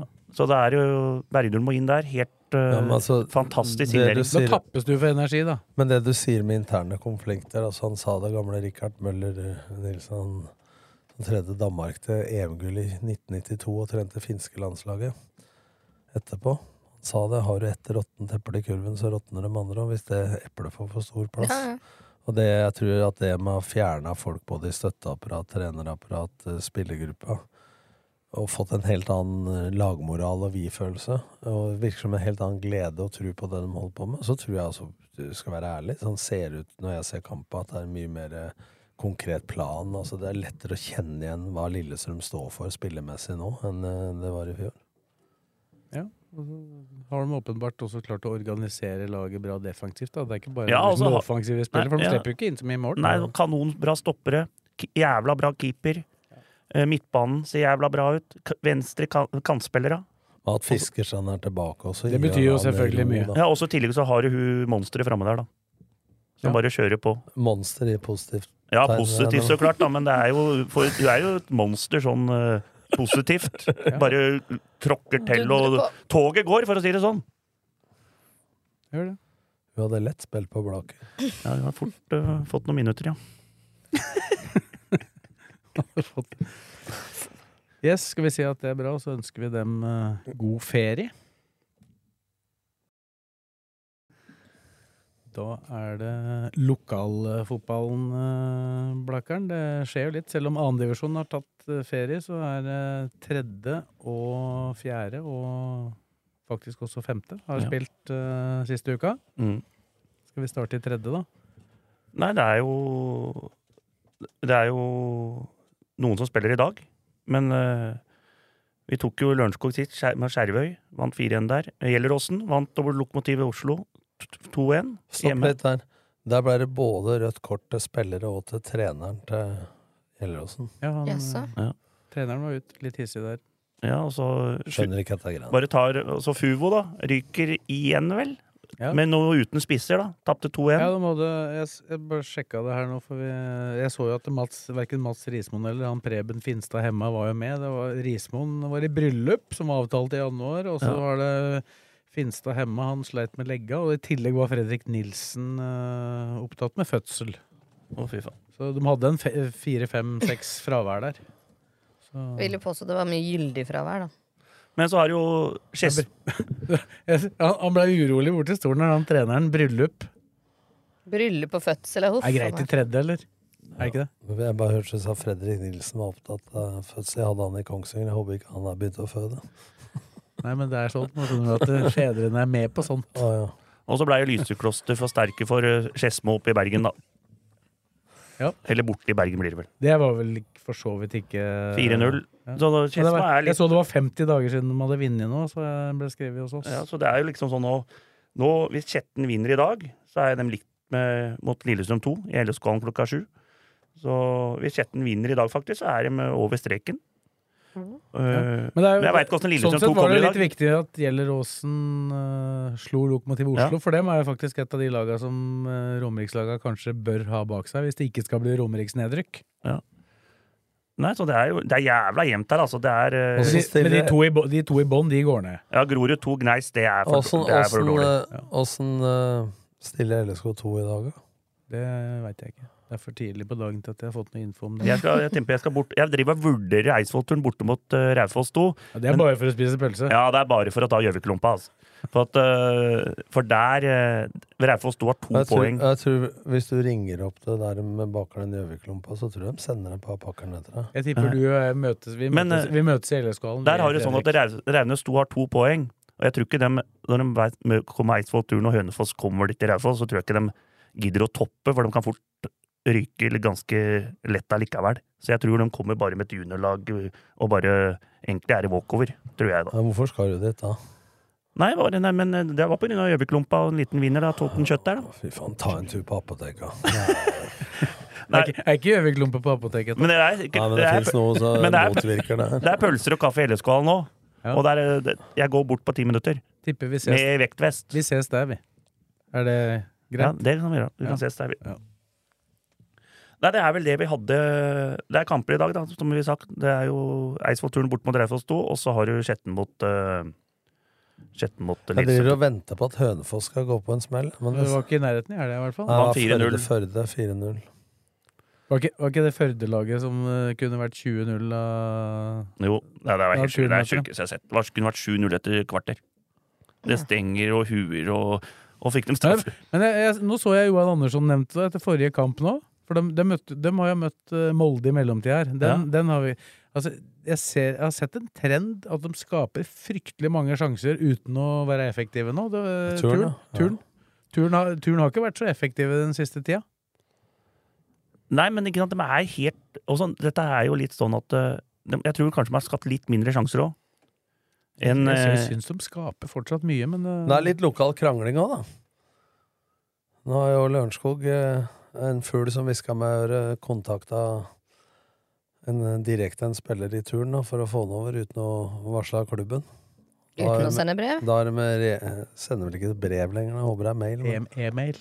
men, eh, men eh, da turen har reagert, da, så vet ikke hva som skjer der. Men det er, det er jo en spiller som ikke spiller fast, da. Regner jeg med. Men der må, jeg ta, der må jeg ta en historie om gamle legenden Olaf Engen. Ja. Og arrangerte Romerikscupen. eh, Ja, ja. Var teknisk arrangør for oss da, i, i mange år der. Og så var jo dette akkurat i det momentet hvor eh, e-post kom, da, ikke sant. Og så, og så hadde, var, var det jo alltid sånn at kampa innledende runde ble spilt ute i klubba, og da kom jo all informasjon til eh, Aurskog Finstadbro og Engen, da, som holdt på med dette her. Og så var jo dette, akkurat vi hadde fått nettside og sånn, så tenkte jeg at det, liksom, det kunne vært litt fint om vi hadde fått de resultatene litt fortløpende, da. Sånn at vi kunne liksom lagt ut de resultatene som, eh, som var, da. Og så sa jeg dette, du kunne jo, kan jo, istedenfor at du sender oss det der brevet på slutten, så kan du jo sende oss en mail sånn fortløpende, sa jeg til Olaf Engen. Da ble det helt stille i andre enden, så sier Nei, folk har ikke dårligere tid enn de kan vente på et brev. så, Det så det var eh, Det blei ikke, det ble ikke noe e-mail. Nei, det Ja, hørtes ikke helt, sånn ut, nei. Olaf Engen var helt overlegen. Han, han kunne vi ha sittet en hel eh, pod og tatt historier om. Ja, fy faen, jeg hadde den Jeg hørte den historien eh, Olaf satt og spilte uh, Hørte på fotballprat på kafeteriaen, vet du. På Aurskog der. Ja, ja. Så kommer Helge vet du, fra skolen, er ti år, og tegna til far sin, da. Uh, 'Pappa, se denne tegninga sånn, da'. Hva er dette her for noe, Helge? Vi prater fotball! Bare kasta han rett i søppelbøtta. Nå, nå, husker, nå, Hva er dette for noe, Helge? nå, hus, nå husker ikke jeg hvor han jobba, men han jobba i hvert fall, var ansvarlig for et sånt delelager. Med masse Du, du ser for deg hyller med fullt av ting, ikke sant? Og, og Laffen, da, som han ble kalt, han, øh, han hadde full kontroll på alt der, selvfølgelig. Ja. Men så blei det litt fotballprat da, på jobben, ikke sant? Og sjefen syns det kanskje blei litt mye fotballtelefoner på, på Olaf, da. Så han øh, prøvde forsiktig å antyde til uh, Olaf at eh, kanskje roe ned litt med de fotballtelefonene og konsentrere seg om jobben litt. eh. Da får ikke jeg vært her, sa Olaf. og, så, og, så, og så bare dro han hjem. Og så, og så visste han jo det at For det var jo ikke noe sånn datasystem og sånn på ting da. Så to-tre dager etterpå så ringte sjefen og lurte på om han ikke kunne få komme tilbake. Om han ikke kunne komme tilbake, og da var det ikke noe problem å prate om fotball på telefon. Fytti katta. Nei, det er så mye historier, så da må vi sitte her et par dager til. Men vi kan eh, hoppe rett til fjerdedivisjon før vi sklir ut her. Ja. Ja. Han, det er- han, han hører jo definitivt hjemme i lokalfotballen Laffen, da. Ja, ja, men det, det er helt, ja, glem det. Men fjerdedivisjon er så sjuk eh, serie. Så nå skal du bare høre resultatet av forrige runde. At det, den er så jevn og så morsom med mål og kål og røde kort og gule og sk- bare kål. Eidsvoll Turn, Raunes Årnes 2-2. Løvenstad Ullskisa 2 2-2. Lørenskog Kløfta 1-1. Fjellhamar Strømmen 2 2-2. Og så er det jo 4-1 til Gjelleråsen over Haugeseter, 3-2 til Aurskog Hølland over Rælingen, og Kløfta tapte 5-3 mot Rælingen. Og så Rælingen topper, mens det er jo så det, Bare hører alle slår alle. Strømmen slår slo gikk på en smell mot Aurskog. Altså. Ja, ja, men Aurskog Høland er ikke dårlig. Vi har jo dem som topplag, men nå har de hengt liksom Aurskog Høland nå. Det her er liksom de ligger Hvor mange er det som egentlig kan rykke opp? Sånn ja, det... fra, hvis du tenker sånn realistisk Nei, innenfor tabellen. Vi kan si fra Fjellhamar Er det ett som rykker opp, er det ikke? Vi kan ta fra Raunes Årnes da på tiendeplass. Så er det elleve poeng opp til førsteplass. Det er litt for mye. For det er Med for mange kamp- lag imellom. Ja, men med én kamp mindre spilt. Ja, så egentlig åtte, kanskje. Da. Ja. Men sånn som kan gå til eh, Sånn som fra Fjellhamar, da, som har et bra, bra toppnivå. 20 poeng. 9 poeng opp til uh, favoritten Nei, opp til Rælingen nå. Så det er jo 29 Og Rælingen har vel én kamp mer spilt enn de fleste? Ja, ikke det? så Sørumsand, Eidsvoll IF, Ullskisa, Lørenskog 2, Aurskog Hølland og Haugeseter Fjellhamar, da. De har 14, de har én kamp mindre spilt. Så hvis, det er et seks poeng bare, hvis det dårligste laget av dem Hvis Fjellhamar da vinner, da, så er det seks poeng bak Rælingen. eh, Og det, det, det er som jeg sa, Eidsvoll IF har vunnet seks på rad. Eller sju Men de fire topplaga der, hvis du tar Rælingen, Eidsvoll IF, Ullkisa 2 Og Sørumsand. og Sørumsand, ett av de fire rykker opp. Ja, det tror jeg òg. Og jeg tror, sånn som det ligger an nå, så tror jeg Eidsvoll IF har øh, hengt på den. Når de har vunnet seks på rad nå, så Men kan det skje noe i løpet av Nå, nå har de vel ferie nå da til slutten Ja. av juli eller noe sånt. Kan det skje noe her òg, eller eh, overgangsmessig og sånt? Eller er det, vil de komme med de samme laga? Nei, her er det... Jeg veit ikke noe Har ikke hørt noe om noen spillere inn eller ut, eller hvem som drar, og sånne ting. Og så er Så- det hvor mye, hvor mye grilling og kos det Ja, blir ja. eh, de neste ukene. jeg, jeg ser dem starter opp igjen 31. juli, og da er det nok noen Kjenner jeg fjerdedivisjons fjerdedivisjonsrett, sånn som jeg har vært og trent og sånne ting, så er det nok noen som har ferie. Som har borte med kjerringa, eller eh, Ja. på campingplassen, eller i Syden, eller sånne ting. For det er jo Du starter 31.7., liksom. Det er eh, er det mange som har ferie i august òg. Litt, for, litt forskjell på hvor mye Hvilket lag er det som kan komme best ut av en ferie, da? Sånn du vurderer Nei, men, spillerstallene? nei, det er garantert det er dem, Kisa dem, som er, dem, som er mest, ja, dem som er mest seriøse av disse her med trening og sånn, det er Rælingen, Sørumsand og Eidsvoll IF. Og det er, er topplaget. Men. Kisa 2 er automatisk. Ja, ja, ja, men jeg tror ikke Der er ikke noen borte, tror jeg, da. Nei. På de tre topplagene der. Så de, de kjemper jo, da. Men hvis du, hvis du går til femtedivisjon, da, så er jo Blaker går, toget går. De har én motstander, da, og det er seg sjøl. Hvor mye beveger folk seg i ferien, og hvor lang ferie de har. Ellers så får du ikke unngått å rykke opp. Hvordan skal du få kan dem til å holde par andre? Nei, men eh, vi har faktisk nå Hvis vi er ti mann eh, Vi legger ut på spånn. Hvis vi er ti mann, så skal vi trene én gang i uka hele ferien nå. Bare- Så mye. Bare møte opp Ja, men ikke at gutta har ferie, men eh, De som er hjemme, da. Ja, de som er hjemme hvis det er muligheter, da. Eller så skal vi begynne å trene to uker før den eh, match 5. 15. 15. august, da. Jeg tipper det er et par andre femtedivisjonslag som eh, har litt Men, slack men jeg, må si, jeg må si det, jeg, overhørte Blakkaren en eh, diskusjon her, og jeg hørte noen eh, Toreiden og sånn. For det var jo noen folk nå som har meldt, altså daglig leder eh, i Bjerke greier å melde at eh, Blaker eh, De er for gamle, trener for lite, har ikke noe i fjerdedivisjon å gjøre. Skåret 47. 51. 51 og sluppet inn 7. Bare seier og én uavgjort. Og så var kritikken med at eh, de spiller på det de kan. Ja, det hørtes jævlig dumt ut. Og så sa de at de hadde 70% ballbesittelse mot Blaker, men tapte 6-0. Eh, da begynner jeg å lure altså, Men eh, han var veldig glad i fett. Men de hadde visst 70 ballbesittelse mot fett, så da var, det- da var det ikke å bruke mot dem. Kan ikke folk konsentrere seg om sitt eget lag? Altså, jeg blir forbanna når jeg hører ledere for andre lag på Romerike, daglig leder, sitter og på Blaker for at de spiller feil fotball og trener for dårlig, og måtte bytte ut av krampe. Altså, Fredrik, jeg snakka med deg. Bytta ut folk for det at du leder 4-0. Så Så sparer jo dem som har litt skavanker. Det er jo bare smart. Eh, men hvis du taper 6-0 av 1-19 i målforskjell på de to-tre siste kampene, så holder du kjeft. Ja, ja, gutta var litt irritert på de greiene der. Så Eh, Det blir, det blir spennende kamp. Det vanlig blir så- spe spennende kamp mot Bjerke til høsten. Ja, Men som vanlig så dytter jo ja, Man tapte jo i fjor da han kom hjem, men eh, som vanlig så dytter Man vant jo der oppe nå i år. ja, Det holder at Blakkaren ringer til meg vet og sier at nå spillere er irritert, og så forteller meg, så, så fyrer jo jeg, ikke sant? så han slipper å gjøre det sjøl.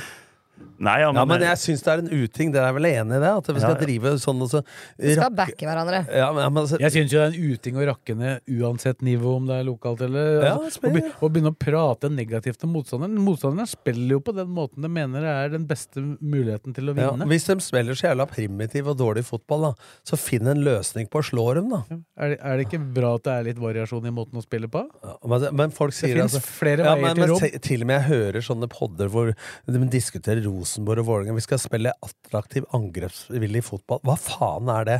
Ja, men han treneren er bare resultatorientert. Ja, Fins det en trener i Eliteserien som ikke er resultatorientert, da? Bør, det. bør det være noe motsetningsforhold mellom utvikling og Hvis du utvikler deg en del, så blir det vel noen resultater en gang iblant? Gjør det ikke det? Hvis det ikke blir er resultater, så er du ikke Ja, særlig lenge i jobben. Nei, da. takk skal du ha, det veit jeg en del om. Det, poenget, da. Kan ikke folk bare slutte å prate tull? Jeg blir helt svett og drittlei høre på så, Altså, En langpasning, bør det være dårlig i fotball? Hvis det er en planlagt langpasning, og den slås bra, så er det vel vanskeligere det enn å spille en på fem meter? Altså, hva, hva Altså, hører jeg spillere bli intervjua. Hva må dere gjøre her i dag? Nei, vi må spille av vårt spill og ta tre poeng. Altså, herregud. Det er ikke alle har det som plan, da. Men så er det noe som heter motstander, da. Og motspill. Hvordan løser du det? Å, herregud, det er noen ganger bedre å holde kjeft altså, enn å åpne Nei, men kjeften sånn som og fjerne all tvil. jeg, jeg er dritfornøyd med år. Og vi har, og jeg, vi har aldri spilt så offensiv fotball som vi gjør nå. Vi står høyt med hele laget. Ja, men de sa jo til og med det at dere pressa lavt. Nei, vi gjør Dere har ikke det. pressa høyt hele tida. Pressa hele, hele tiden. Og, men vi har scora mye mål. På, vi er gode i presset. Og da, når du scorer mye mål, og så var det en på laget som sa det at det, det er ikke rart at ikke vi har ballen mye. De er jo henta ballen hele tida. Den er jo mål. Litt på spissen, da. Men det er jo litt sånn at eh, Og når du leder 4-0, hvorfor skal du liksom kjøre på videre? Eller 3-0, eller 2-0? Ja, men, men, Ja, så, men jeg har aldri hørt deg så optimistisk som du var før sesongen. Nei, men det, Nei. jeg var jævla optimist, Ja. og det er av at jeg veit jeg har et Men jævla bra hvordan, fotballag. hvordan kan en eller annen leder da, i en eller annen klubb på Romerike fastslå at dere ikke har noe i fjerdedivisjon å gjøre? Han kan godt få lov å mene det, men hvis du har et verv, da, uansett om det er breddefotballen, så sitter du ikke og prater på den måten der. De fleste som havner øverst på tabellen og går opp, har noe å gjøre i den divisjonen. Hva er fin fotball? Og jeg vet, Ikke sant? Det, det tror jeg er veldig delte meninger Ja, om. Men nå skal jeg passe meg litt sånn på grunn av at uh, Men med, med Blak- med- nei, med for Bla- den, da. nei, nei, ikke det. Men jeg skal bare sånn at jeg, jeg, eh, Vi stakk fram haka før sesongen. Og, men vi kan, vi, vi, alle vil slå oss. Så vi må ikke bare liksom at dette, dette er avgjort. Vi må Hva er, du, fortsatt hva er det du skrev til meg mange seire til du trengte? Ja, jeg må, Vi Fem- trenger fem, fem- seire til. Det er sagt i aviser og Ja, men ta, glem det, ja. Da skal jo de andre laga fette som vinner alle kamper. Ja, ja, men det er, eh, det er Apoteket er fortsatt er, det, er- oppe. det er. Jeg, jeg tror ikke det er noen fare, Fredrik. Dere kommer kamper kommer til å vinne minst fem kamper til. Hva er det som tilsier, da, hvis du ser sånn rent Hvis ikke hele laget ditt forsvinner, da. At, at dere som har vunnet så mange kamper som dere har gjort nå, skal plutselig tape halvparten av kampene? Over halvparten Nei, av kampene som er ja, igjen. Ja, men om de ikke finner fem, da, hvem skal ta dem igjen, da? Og vinne alle kampene? Nei, Så- så det ser lyst ut. Så der har, der har Tommy Tass vært tidlig ute og gratulert med opprykket. Det, Men, men, eh, men men det, nå skal dere høre historie her fra den kampen nå. Den, Ja, ja, den den- er litt fin, egentlig. og da, da står to jævla gode kamerater av meg, og det er kanskje de to verste kameratene du kan ha bak deg når sånne ting skjer. Det er Jofle, og det er Tassen. Ja. De jo, står da det er Tronsen og Halvorsen. ja, Stå bak da, og så tar jeg ut han eh, Vegard Gjelsvik, han skal gi seg. Fordi han blir borte. Ja, for han blir borte, for han er liksom eh, Han skal flytte Finnmark til skjæring, med skjæringa. Og det er greit, så tar jeg ut han siste ti, for at han skal få applaus, liksom. Det gjør jo da internasjonalt og sånne ting, tenkte jeg da. Men ikke på Og da, Men ikke på og da kommer, i 85. minutt, så kommer ei dame over travbanen, og rundt der Hei, sett innpå Vegard igjen. Han skal spille. Det er siste matchen. Han må innpå. Og så står Det er hun som da skal Ja, ha med han til Og da står Tassen og Nord-Norge. På Vi hører denne. Og Blakkaren. Når damer kommer til Blakkaren og sier sånne ting, da blir jeg spak. Få på deg klærne! Du skal innpå igjen. Og satt på med han igjen, kaptein. Tror du var meldinger, Ja, eller? for, du, for du ga han kapteinspinn òg, Ja, bare. Han, han burde, hvis du leser intervjuet med Mats Henstad Christiansen om Smerud, så burde Blakkaren vært assistenten til Smerud. For de er like konfliktsky, begge to. Ja, men da tenkte jeg her, her må han bare innpå igjen. For jeg orker ikke å leve av meg hun fiskekassa skal løpe, etter meg Hun fiskekassa! Skal løpe etter meg Skal løpe etter meg i, i hver gang jeg møter hun på noe hyggelig lag, eller sånt, og skal jeg få utskjell hver gang av hun. Det, det det, her er det bare å bytte, så er jeg ferdig med det problemet. Det er sånn, som du sa i stad.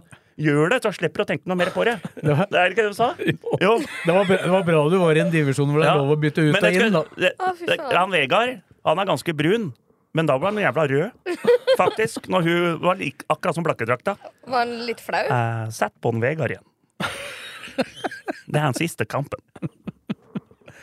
Jeg synes det er Hun, hun hadde ikke sett eh, sånne avskjeder med applaus og sånn. hun. Nei. Jeg synes det Hun var likte ikke det. Men hadde, det hadde visst vært prat på andre sida av brua. Det er 150 der.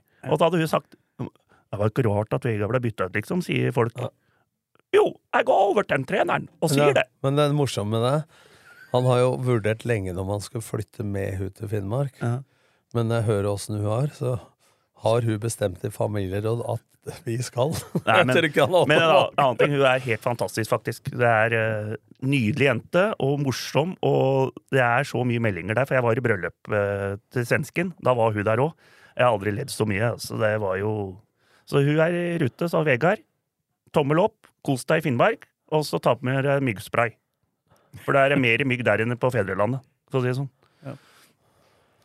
Men det slipper han nå, da. Spiller på fedrelandet.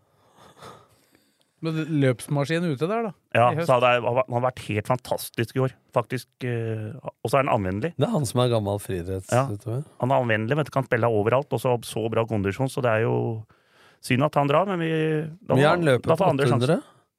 800? Nei, han løp eh, 1,50. Han slo jo han der eh, Filip Ingebrigtsen på 800 meter. Men ifølge Anni Bjerke, da, så er Nei, Henrik Ingebrigtsen! Ja, men ifølge Anni Bjerke så er alle i Blakke jævla dårlig trent. Det må jeg si. Jeg kødda mye med at dere trener lite. Ja.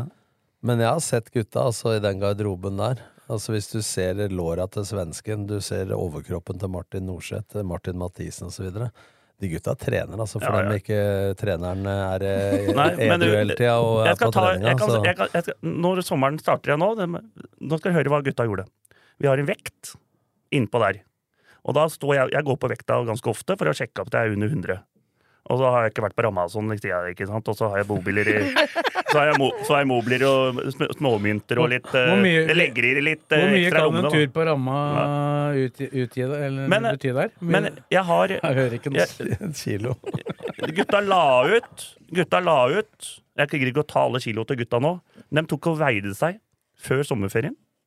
Og så får de bøter for hver kilo de har gått opp. Men sjekker du fett 50 kroner for én kilo. 80 kroner for to.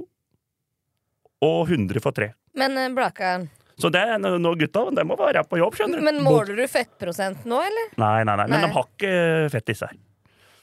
Nei, så Det vil jo si at Hvis de går opp og de fortsatt ikke har fettprosent, så har de gått opp i muskelmasse, så må de betale for det. Ja. Må du, må du på vekta og betale òg, eller? Nei, nei, nei, Nei. jeg er ikke med på det der. Men eh, jeg så bare på vekta når gutta hadde lagt ut. eh, Der, eh, de, ligger fra, de ligger fra 65 til 80 kilo. Så det er ikke noe sånn eh, Det er ikke noe Men de er sikkert jævla godt trent oppe i Bjerke, da. Du kan tenke deg han Han Jeppesen da, på midtbanen vår min, han løper halvmaraton på 1, eh, 1,20, vel? Da er det ruter, skjønner du. Har ikke noe fjærøre da. Løpe, løpe fra ballen, da. Det er Nei, ingen, nei. ingen i rommet her som løper på noe sånt. Har ikke løpt siden jeg fikk lappen. da.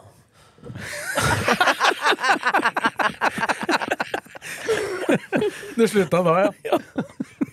Jeg gikk tur da i pandemien, og butikken åpna igjen, så slutta jeg å gå tur.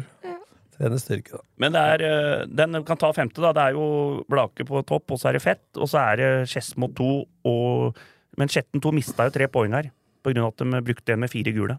Så det var jeg litt uh... Er ikke det sånn Den vant oversikt over? den vant 6-2 mot VAM.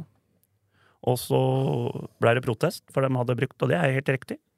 Skjetten hadde ikke vært fulgt med i timen og brukt en som hadde fire gule kort. Da omvendt odden. den. Altså, hadde- de hadde en spiller hjemme de som trodde hadde fire gule. Så var han andre to som het Ove Men altså-. Ja, men altså, har du hørt noe så dumt? Altså, bruke, Alt om fotball. alt om fotball. Det er greit nok det at de sikkert er etterrettelige på det aller meste, men uh, bruk nå det, gå til kjernen, da. Fotball.no. Der ligger Ja, faktisk jeg, jeg sa det fins jo noe som heter dommerrapport og dommerkort fortsatt. Og om du, ikke, om du ikke har kontroll på det sjøl, så ligger det i hvert fall på fotball.no. Ja, det går, og det går an å ringe NFF òg.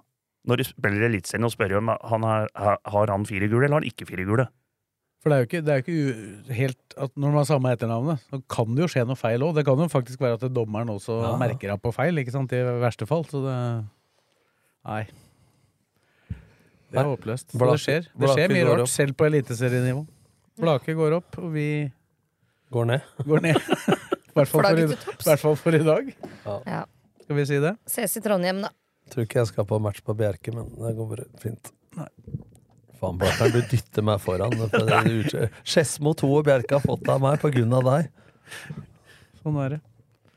Vi får si at det er bra for i dag, og så takke Kristine, Tom og Fredrik for at eh, dere var med å bidra her. Og så takker vi deg som hørte på, for at du orka det. Og så høres vi igjen. Ukens annonsør er HelloFresh. HelloFresh er verdens ledende matkasseleverandør og kan være redningen i en travel hverdag. Mange av oss har nok vandret i butikken både sultne og uten en plan for middagen, som ender med at vi går for de samme kjedelige rettene gang på gang. Middag burde være dagens høydepunkt. Som HelloFresh kan du nå velge mellom 25 ulike retter hver eneste uke, eller få HelloFresh til å sette sammen menyen for deg. Dette gir deg muligheten til å prøve nye og spennende retter alene eller sammen med familien. Du velger antall porsjoner og får alt levert på døren på et tidspunkt som passer for deg. Oppskriftene er enkle, og maten er lett å lage både for store og for små. Ved å få alt levert hjem får du også mer tid til å dele matgleden med familie og venner. Kanskje det frister med asiatiske tacos eller greskinspirert kylling? Da kan jeg anbefale deg om å gå inn på hellofresh.no. Her kan du bruke koden FOTBALL og få opptil 1779 kroner i rabatt på de første fem matkastene hvis du ikke har prøvd HelloFresh tidligere. Du kan også bruke rabatten hvis du har vært kunde og stoppet abonnementet ditt for tolv måneder siden eller lengre. Gå inn på hellofresh.no og bruk koden FOTBALL. Har du et enkeltpersonforetak eller en liten bedrift? Da er du sikkert lei av å høre meg snakke om hvor enkelt det er med kvitteringer og bilag i fiken, så vi eh, gir oss her, vi. Fordi vi liker enkelt. Fiken superenkelt regnskap.